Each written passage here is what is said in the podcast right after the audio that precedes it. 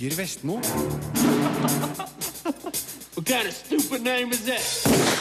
Sylvester Stallone gjør noe han kan, nemlig skyte vilt og slå hardt på film. Jeg anmelder Bullet in the Head. En annen gammel kjenning, Roger Rabbit, er tilbake på Blu-ray. 25-årsjubileumsutgaven av Hvem lurte Roger Rabbit er sett og bedømt. To splitter nye TV-serier skal òg anmeldes, nemlig TV Norge-aktuelle Hannibal og Netflix-serien Hemlock Grove. Og du skal få høre hvilke filmer Filmbonanzas Vegard Larsen og jeg gleder oss mest til under årets filmfestival i Cannes. Programmet ble avslørt i går.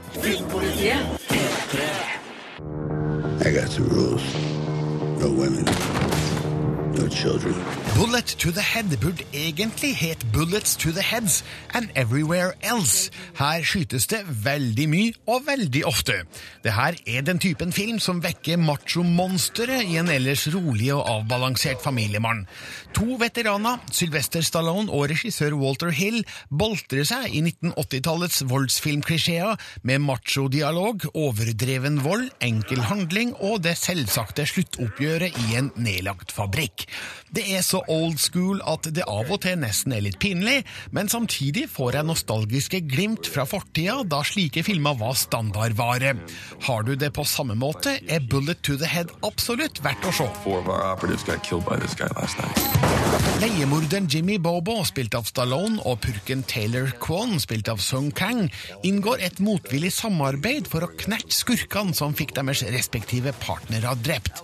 De må skyte seg vei opp gjennom en kriminell gruppering som har gode kontakter, også innad i politiet. Og på toppen av pyramiden venter skruppelløse Morell, spilt av Adevale Akinoye Agabaye, og hans bokstavelig talt drepende høyrehånd Keegan, spilt av Jason Momoa. You don't just kill a guy like that. I just did. Så enkel er filmen faktisk. Slemme folk, snille folk, skyting og slåssing. Det er så macho at man bare må smile overbærende. Filmens eneste feminine element av en viss størrelse, Liza, spilt av Sarah Shai, ender betegnende nok opp som gissel bundet til en stol. Imens grynter Stallone rundt som rånesjefen i den kriminelle grisebingen, og spiller blotta for ironi i en film som kanskje kun trengte litt av nettopp det. Sung Kang er en ganske sympatisk sidekick som tilfører filmen noe i nærheten av menneskelighet. Skjønt, jeg skal ikke overdrive. So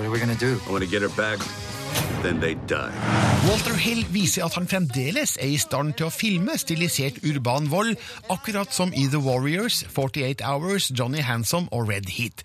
Vi får til og med en sekvens fra sumpene utafor New Orleans som gir gjenklang fra hans 1981-film Southern Comfort. Hans filmspråk er knallhardt og ubarmhjertig. Hans figurer er endimensjonale. Subtilt er et ord han ikke har i sitt vokabular. I reindyrka form kan det òg bli gode filmer av slikt. You and me got a little unfinished business to take care of. What are we, Vikings? Det er fullt mulig å kalle denne filmen utdatert. Den er gammeldags. Både Hill og Stallone passerte formtoppen for flere tiår siden. Men jeg digger at slike filmer fremdeles lages. Jeg er klart for at gamle menn får gjøre det de kan best. Bullet to the Head er en hardtslående, blodsprutende og knallhard affære som bare mangler mer humor og større ironisk distanse. Ellers er det her 91 tøffe minutter for alle som liker gammeldags actionfilm. When I'm done with this drink, I'm gonna be done with you. Dette er Filmpolitiet på P3. I går ble årets program eh, under filmfestivalen i Cannes avslørt, og her var det flere interessante navn og titler og filmer det er verdt å se fram mot. Eh, Programleder i Filmbonanza, Vegard Larsen, er nå med. Hallo, Vegard. Hei. Eh, Vi må nesten kanskje forklare litt hvorfor syns vi det er så utrolig spennende og interessant med dette programmet under filmfestivalen i Cannes? Altså, det er vel verdens viktigste filmfestival. Eh, Det er en filmfestival der filmene blir valgt ut eh, pga. deres kunstneriske kvalitet. Så det er jo en man si, litt mindre kommersiell festival enn andre festivaler. Og det, det er der alle filmskapere vil delta med filmene sine. Eh, Det sendes vel inn noe sånt som 1800 filmer eller noe sånt som forsøker å komme med i programmet, og så velger de ut en ca. 50. Eh, Så det er gjevt. Ja, og eh, jeg tenker at eh, dette med glitter og glamour, eh, det er jo noe vi faktisk Vi liker jo at det er litt glitter og glamour i filmverdenen, og, og det får man i Cannes, ikke sant? Absolutt, det er masse av det, men, eh, men eh, det er heller aldri noe tvil om at det er filmene som står i sentrum. Så, så den røde løperen deles mellom de største stjernene, de mest kjente menneskene i verden, og det deles med, med helt, helt ukjente regissører man nesten aldri har hørt om før. Både jeg og du satt jo og fulgte pressekonferansen direkte i, i, i går. Eh, en ganske sober affære, egentlig. Det er ikke akkurat noe TV-show, dette. Eh, men men eh, i, som du sier, filmene står i fokus, og eh, jeg, jeg, jeg ropte jo 'yes' i redaksjonslokalet da 'Only God Forgives' ble utropt eh, som deltaker i hovedprogrammet. Dette er jo da Nicolas Winding Reftens eh, film og hans nye samarbeid med hovedrolleinnehaver Ryan Gosling, som de jo laga De laga jo Drive sammen. Mm. Det er mitt store håp for festivalen. Eh, Har du en favoritt? Jeg ser jo fryktelig fram imot den filmen sjøl. Jeg husker når jeg så Drive, så var den mitt høydepunkt eh, det året del, den deltok. Men det er, det er flere gode titler her. Også Steven Soderberg eh, deltar for fjerde gang eh, med filmen sin Behind the Candelabra, eh, som er et portrett av den amerikanske smørsangeren Liberace, mm. hvor Michael Douglas og Matt Damon spiller hovedrollene. Eh, Dette er jo eh, etter skyggen av hans siste spillefilm. Eh, Etter dette så skal han konsentrere seg om å produsere TV-serier, har jeg forstått. Mm. Den har jeg store store forventninger til. Og så er jo Cohen-brødrene tilbake, Alexander Payne er der, Sofia Sofia Coppola deltar, men eh, i Uncertain Regard-programmet. Eh, Så jeg har veldig mange filmer jeg ser fram imot. Mm. Um, disse som deltar her, um, hva er det de kjemper om egentlig? For dette er jo en konkurranse. Det er en konkurranse. De kjemper om eh, forskjellige palmer, da. eh, der gullpalmen er det gjeveste. Men så kan du også vinne priser for beste regi, beste mannlige og kvinnelige skuespiller, eh, beste fotograf. eh, men, men det er da gullpalmen som er gjevest. Mm. Har det noe å si for altså, eh, oppmerksomheten filmene får blant publikum? Altså, det automatisk føre til økt publikumsoppslutning og gjøre seg bemerka i Cannes? Eh, ja, det, det tror jeg all, absolutt. Eh, kanskje ikke så mye i Norge, men, eh, men eh, i hvert fall i, i Europa. Og det fører jo til at filmen eh, blir importert da, til Norge. Det er en del filmer jeg kan tenke meg aldri hadde kommet hit hvis ikke de hadde gjort det sterkt de kan. Eh, men sånn kjempeutløsende for publikumsomsetningen, det er det nok ikke. Men, men for uh, filmskaperne og for folkene som spiller i filmene, så er det veldig veldig betydningsfullt. Og det gjør jo også sånn at de får bli invitert tilbake igjen. Uh, har du lyst til å høre en uh, kjent, kjær, gammel stemme, Vegard? Ja. God aften. Den 22. filmfestival på Croisetten i Cannes ble avsluttet seint i går kveld, og her står vi for å forsøke å gjøre opp noen inntrykk. Etter den lille revolusjonen som skjedde her i fjor, hadde kanskje de fleste ventet store forandringer, men så skjedde altså ikke. Festivalen ble avviklet i tradisjonelle former. Men allerede i neste uke går festivalens toppledelse av, så kanskje fra neste år blir det noe annet. Nettopp dette var det som karakteriserte Cannes-festivalen i år. Det var kontrasten mellom nye progressive tanker og en tradisjonell og meget stivbent organisasjonsform på festivalen. Ja, det var, det var en stemme fra fortiden, det. Ja, det det- var Pål Bang-Hansen fra Croisetten, eh, sannsynligvis eh, helt på slutten av 60-tallet. ja, for der var han ung. Ja, der var han veldig, veldig ung. Eh, vi snakker altså om årets Cannes-festival, og um, det er jo en kjensgjerning da, etter at programmet ble sluppet i går, at eh, det er ingen norske filmer der. Eh, det pleier jo egentlig ikke å være det heller, da. Det er jo unntaksvis at det skjer. Men eh, det er jo blitt sendt inn norske forslag. Eh, hvilke filmer er det vi kunne ha hatt et håp om her? Ja, altså nå, eh, sånn jeg forstår det, så gjenstår det fremdeles en, et knippe filmer eh, i programmet. Altså sideprogrammet Certain Regard, der skal det plukkes ut seks filmer til. Så, så vi må jo liksom krysse fingrene. Vi har fremdeles muligheter, men, men blant de kommende norske filmene så tenker jeg at eh, sånn som Eskil Vogts Blind eh, har blitt sendt eh, til festivalen. Eskil Vogt har jo vært der, eh, var, jo der med, med Oslo 34 31. august, som han var eh, manusforfatter med sammen med eh, Joakim Trier. Mm. noe som ofte trekker opp da, til at, eller høyner mulighetene for at du blir valgt ut. Ja. Og så finnes det også noen andre sideprogrammer, Kritikeruken og Directors Fortnight, som kanskje ikke er like viktige, men det fremdeles kan. Det er fremdeles kan, eh, og det er fremdeles gøy å bli plukket ut i de, de kategoriene. Så vi, så vi må jo krysse fingrene for at det kommer noen nordmenn med der, da. Men skal vi være veldig sure hvis ingen norske filmer er representert i Cannes i år? Nei, jeg syns ikke det. Jeg syns ikke det er noen nedtur. Det er såpass eh, mange filmskapere og såpass mange nasjoner som ikke blir plukket ut. Og det, det er en konkurranse. Det er fryktelig, fryktelig gjevt å komme med. eh, så må man heller bare forsøke igjen neste år. Eh, nå eh, skal en del andre ting skje i Cannes også, blant annet så skal indisk eh, film eh, feires. Eh, 100 år med indisk film skal markeres på Croisetten. Eh, komikeren Jerry Lewis skal få en egen hyllest. hyllest. Og eh, ikke minst eh, åpningsfilmen utenfor konkurranse er The Great Gatsby av Bass Lurman med Leonardo DiCaprio i hovedrollen. Har du forventninger til den? Jeg eh, syns eh, Scott Fitzgeralds roman er fantastisk, så jeg gleder meg til å se filmatiseringen. Jeg syns traileren lover veldig veldig godt. Eh, og så må vi ikke glemme da at selveste Steven Spielberg er juryformann i år, eller president for juryen. Så det blir gøy å se hva det betyr da for vinnerfilmene. Jeg lurer egentlig litt på hva slags film som han har. Er noen store effektfilmer i år. Nei, det ser egentlig ikke sånn ut, da. Så nei, det blir spennende å se. Årets eh, Cannes-festival starter 15. mai, og da skal NRK selvfølgelig ha full dekning eh, derifra, både med Vegard Larsen og meg sjøl og, og andre til. Eh, Takk for at du var med i Filmpolitiet, Vegard. Selv takk.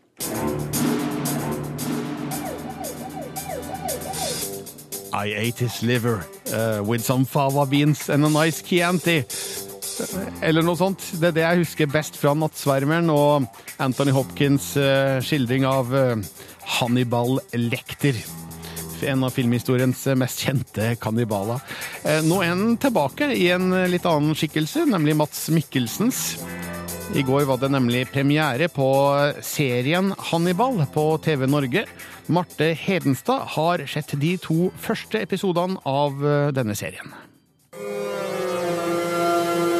You make jumps you can't explain. Doktor Hannibal Lecter er kanskje den mest kjente seriemorderen fra filmens verden. Og i serien Hannibal møter vi psykiateren før hendelsene som utspiller seg i The Red Dragon og Nattsvermeren. FBI-agent Will Graham, spilt av Hugh Dancy, er en lynende intelligent, men plaget sjel. Hans evne til å empatisere med mordere og forestille seg å leve seg inn i deres handlinger gjør han den beste til å sette seriemordere bak lås og slå. Han er den beste i sitt felt, men evnene hans gjør ham også ustabil. Og når etterforsker Jack Crawford, spilt av Lawrence Fishburne, hanker Graham inn for å hjelpe til i en sak, blir han derfor samtidig sendt til psykiater for å klargjøre ham for tjeneste i felten. Og psykiateren er, som du sikkert har forstått, dr. Hannibal Lekter. Jack thinks I need therapy. What you need is a way out of dark places when Jack sends you there. Hannibal er som sagt forhistorien til The Red Dragon og Nattsvermeren, men vi vet ikke om Lecter enda har blitt til den seriemorderen vi kjenner ham som. Det som er tydelig, er imidlertid at han er fascinert av hva som driver et menneske til å drepe. I løpet av terapitimene Graham og Lecter har sammen, utvikler det seg et bånd mellom de to, og det virker som om Lecter ønsker at Graham skal dyrke frem de mørkere sidene av seg selv. Mats Mikkelsen har den formidable oppgaven med å fylle skoene til Anthony Hopkins, som har portrettert Hannibal Lecter tidligere. Og Mikkelsen har klart å gjøre Hannibal til sin egen. Han fremstår som kald, men karismatisk, intelligent og beregnende, samtidig som hans følelsesløse ansikt av og til mykner opp med et lite smil, som om han ler av oss fordi han vet noe ikke vi vet. Er han en beregnende morder som spiser sine ofre enda, eller har han bare en fascinasjon for det makabre i mennesket? Er den perfekt tilberedte steken han serverer, virkelig svin, eller er det bleke kjøttet noe helt annet og forferdelig? Vi vet ikke, og det gir serien en intens spenning. Wonderful.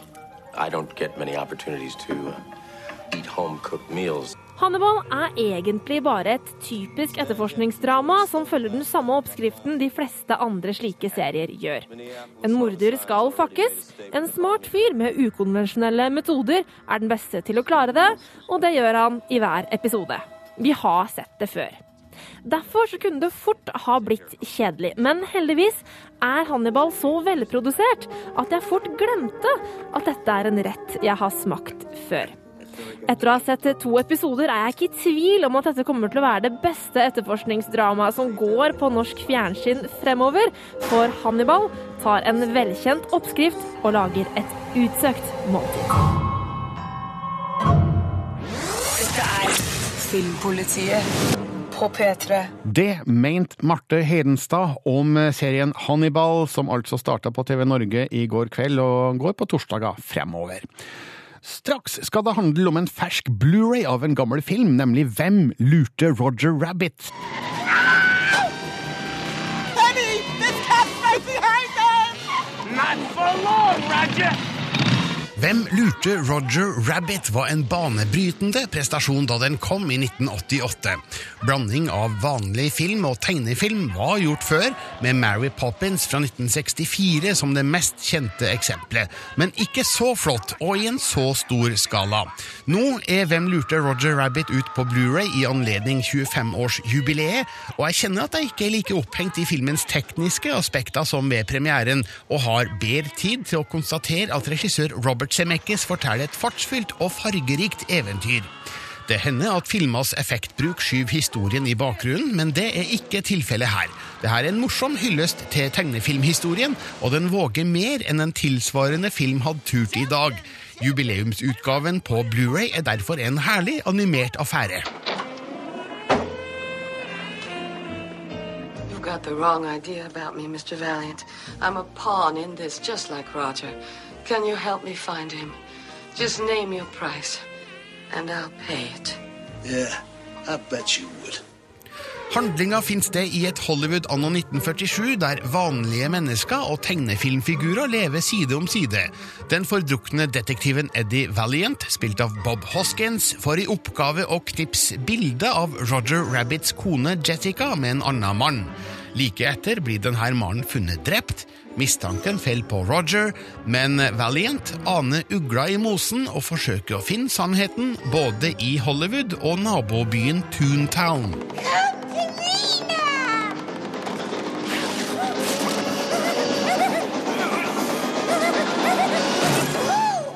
Tunes gets them every time.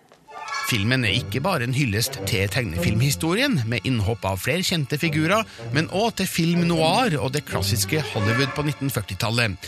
Semekis gjør ære på gamle whiskyglade detektiver og vakre, svikefulle fem fatals.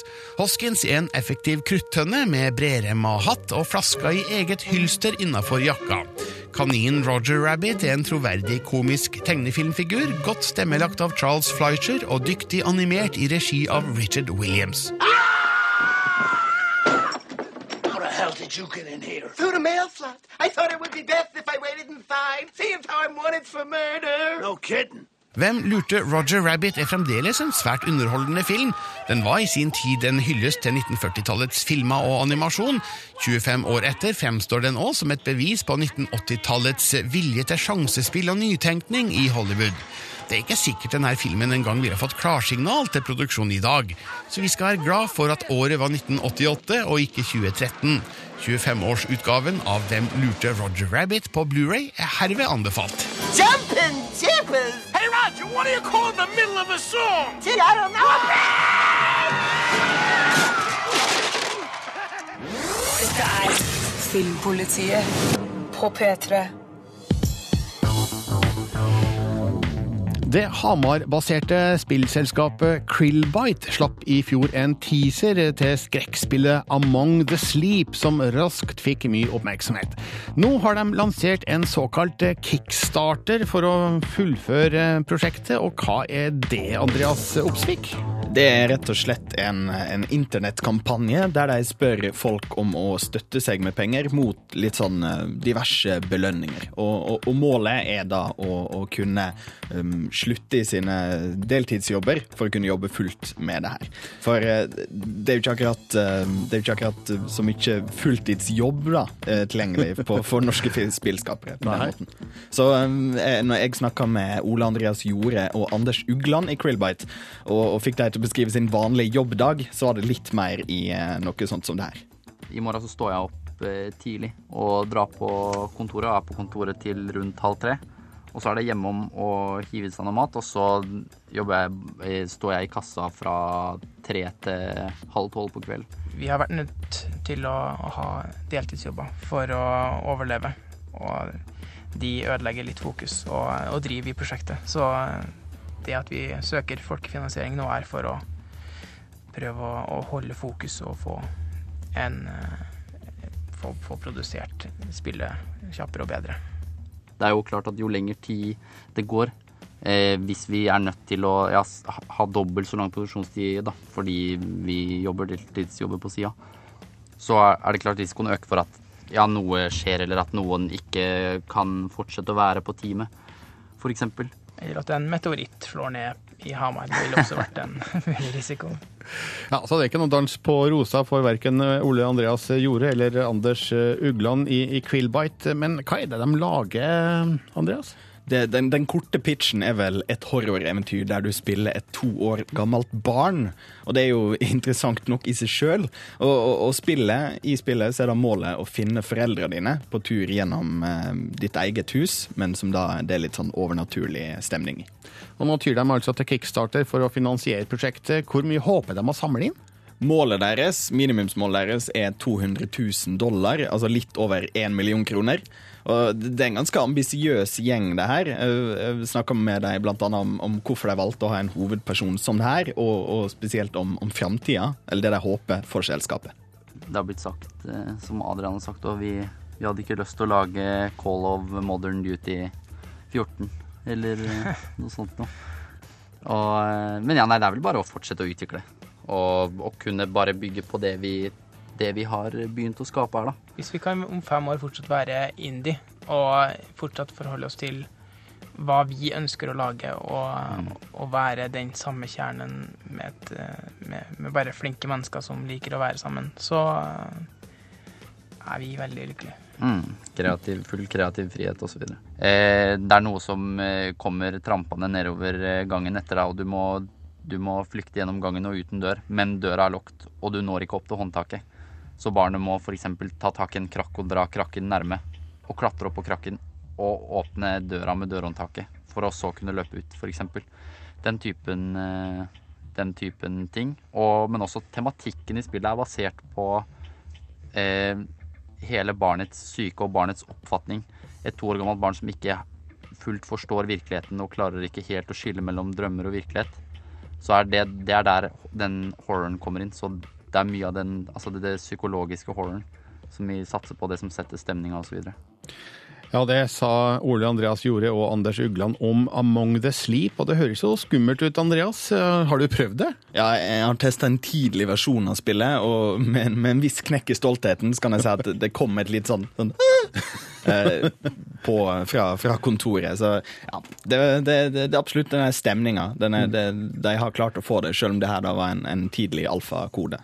Den nevnte Kickstarter-kampanjen den ble starta så sent som i går. Har de rukket å fått inn noe penger? Um, sånn cirka nå har de omtrent 40 av det her 200, altså 40 000 av det her 200 000 dollarene, så det er en god start i hvert fall. Absolutt. Eh, Du kan se mer fra spillet på p3.no filmpolitiet. Du, du hører på Du hører på P3 NRK P3 P3 Og her i Filmpolitiet skal jeg anmelde en film som har premiere i dag.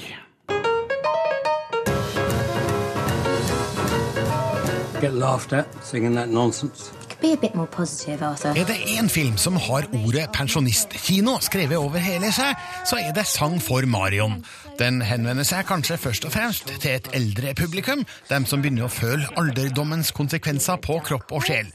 Den forsøker å fortelle veldig søtt og sympatisk om alderdom, kjærlighet, død og savn, men jeg føler at regissør Paul Andrew Williams overdriver litt i sitt forsøk på å løfte humøret mot et noe grått bakteppe. Filmen har likevel et S i ermet, og det er ikke lite. Terence Stamp spiller hovedrollen. What are you lot doing here? Talking about you. Ah, bloody heart. Han spiller den inneslutta grinebiteren Arthur, som misliker at den skrantende kona Marion, spilt av Vanessa Redgrave, bruker kreftene sine i et pensjonistkor som ledes av idealistiske Elizabeth, spilt av Gemma Arterton. Men Marion drar han med seg, og litt etter litt tør Arthur opp. Men det skal komme utfordringer som står i fare for å få Arthur tilbake på gamle spor. I'm not what you think I am. A miserable old Arthur. I can't change. It's too late. Det er fryktelig lett å se hvor filmen vil hen. Forutsigbarheten er stor. Det er bare å sette seg tilbake og vente på Arthurs oppblomstring og noen velplasserte hindre. Men Terence Stamp er veldig god og gir nødvendig tyngde til en rolle som kanskje mangler de store utfordringene. Det er mulig jeg overanalyserer, men det er som om sjøl furene i ansiktet hans sier noe om Arthurs sinnstilstand. Og Stamps røst har lite som minner om sangstemme, noe som gjør utviklinga senere i filmen enda mer imponerende. The way you sing is beautiful. Let everyone see you. Ved siden av solide Stamp gjør Vanessa Redgrave en rørende rolle som Marion, mens noe mangler i Gemma Artertons figur. Jeg trenger en forklaring på hvorfor Elizabeth ikke har noen venner på egen alder, eller hvorfor hun bruker fritida på et pensjonistkor. Figuren blir for lite utforska til å være en så stor del av filmen. Resten av koret består av lystige personligheter som åpenbart har fått i oppgave å være comic relief. De er så hyggelige at det nesten føles litt suspekt. Give me your rock and roll. No. Sang for Marion har noen vakre høydepunkter, spesielt i samspillet mellom Stamp og Redgrave. Også Christopher Eccleston gjør noen fine scener som sønnen som strever med forholdet til faren. Og når korspenninga er på sitt høyeste, får vi et følelseslada øyeblikk som i hvert fall rørt meg. Pensjonistkinosuksessen er allerede i boks, og om du er yngre, har filmen også noe for seg. Vi skal alle bli gamle. Arthur Harris, you're my rock. Dette er Filmpolitiet på P3. Paradis Håp har norgespremiere i dag. Den er sett og anmeldt av Marte Hedenstad.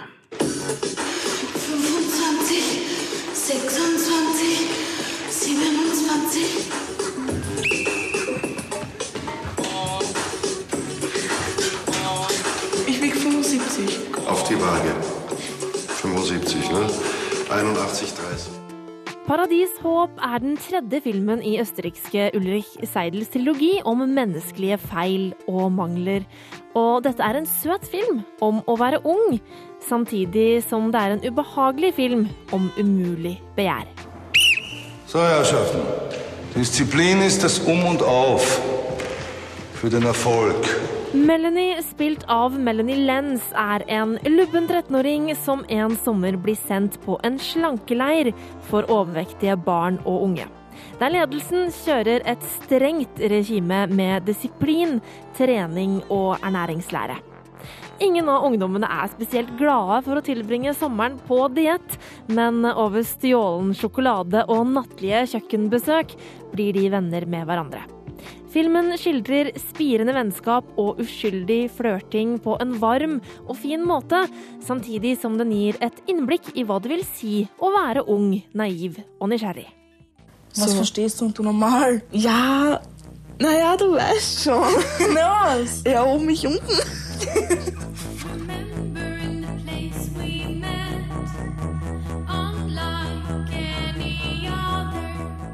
Som så mange ungdommer på sommerleir har gjort før henne, så forelsker Melanie seg i løpet av ferien. Problemet er bare at personen hun er forelsket i, er Arch, den om lag 50 år gamle legen ved leiren.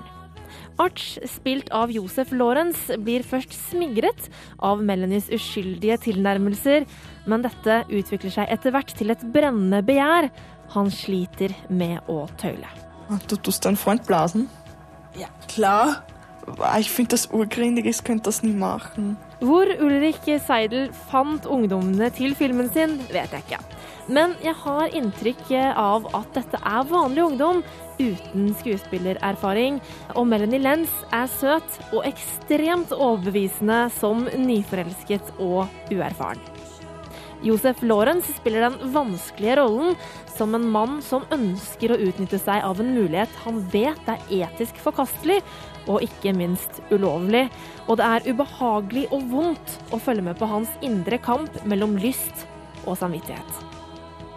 Seidel skildrer det hele med et ubarmhjertig blikk som, uten å dømme ham, blottlegger legen uten medlidenhet for verken ham eller publikum. Og denne kombinasjonen førte til at jeg satt med en vond smak i munnen gjennom store deler av filmen.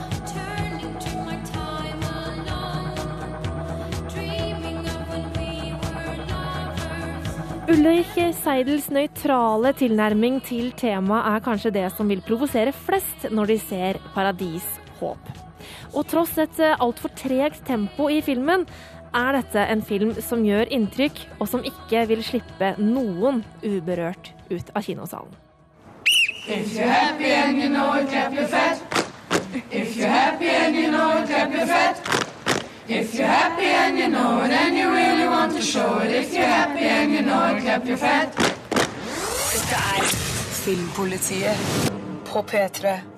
Og filmen ble anmeldt av Marte Hedenstad. Du kan eh, lese anmeldelsen og kommentere den om du ønsker det på p3.no filmpolitiet. House of Cards ble en kjempesuksess for strømmetjenesten Netflix, og i formiddag klokka 11 la de ut sin nye serie Hemlock Grove. Første episode er regissert av den kjente skrekkfilmregissøren Eli Roth, som her forteller om eh, tilnærminga til Hemlock Grove og parallellene til Twin Peaks. This manuscript came along, um, and it really reminded me. It's like a very dark, monstrous Twin Peaks. I thought it was such a smart, creative take, taking the original root mythology of werewolves, vampires, Frankenstein, and combining it in this small town America and in this Twin Peaks kind of world, which is my favorite television show. And we took it to Netflix. And what I loved about it was they wanted to do all 13 at once and also air all 13 at once. So we really, really approached it um, as a 13 hour movie. Han laga serien som en 13-timers film, sa Eli Roth da Hemlock Grove ble presentert under TV-messa i Cannes nå nylig. Andreas Hatzel Opsvik har sett de tre første episodene av TV-serien som Eli Roth mener skal være en moderne Twin Peaks. Det er kanskje litt eh, ambisiøst, eh, eller?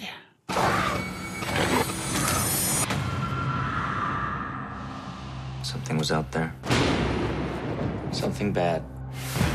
Netflix starta sitt korstog mot eh, tradisjonell TV-kikking med serien House of Cards, som ble et stødig fundament for deres kommende serier da hele første sesong ble lagt ut i februar. Å skulle følge opp er nok litt som å hoppe etter David Fincher, og kanskje det er derfor fallhøyda kjennes ekstra stor. Skrekkserien Hemlock Grove kan fremdeles ta seg opp, men er foreløpig skjemt av en eh, ufokusert start og et manus som ser ut til å tiltrekke seg klisjeer som et flugepapir.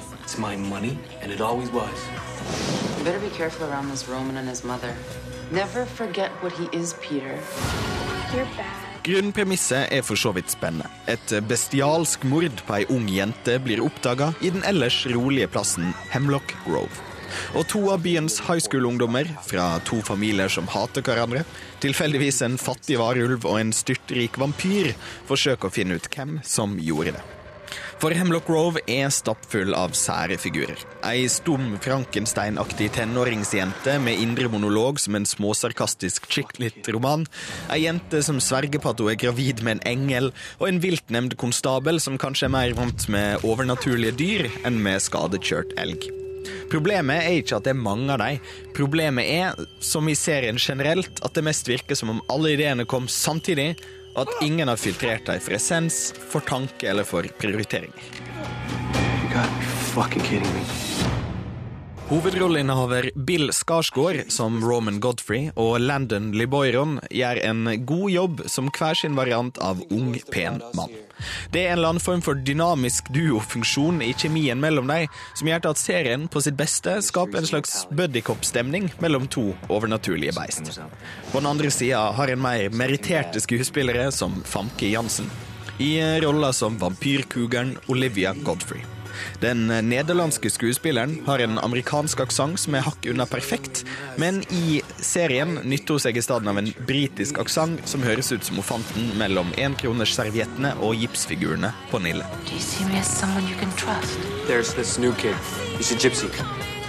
Men litt varierende skuespill til tross, det er manuset som trekker dem alle sammen ned. Hvordan forklarer en det å danse for noen som ikke har bein, svarer jenta som blir spurt om hvordan det er å ha sex med en engel. Jeg gremmer meg. Stakkars Penelope Mitchell som må si det her linjene.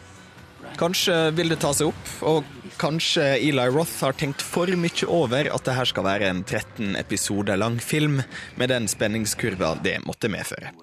Foreløpig går det rolig for seg, men en ser spor av den Eli Roth som viste en drill gjennom hakepartiet på en mann i skrekkfilmen Hostel. Den nyeste traileren for Hemlock Grove lover tross alt lesbisk nekrofili.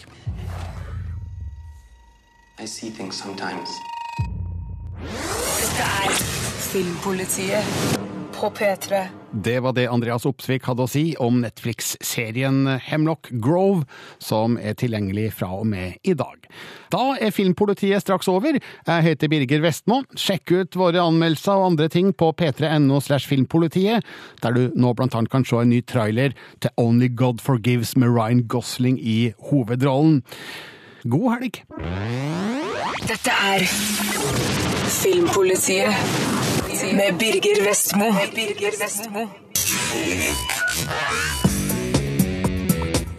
Du hører nå en podkast fra NRK P3. Hent flere podkaster fra NRK på nettsiden nrk.no podkast. NRK P3.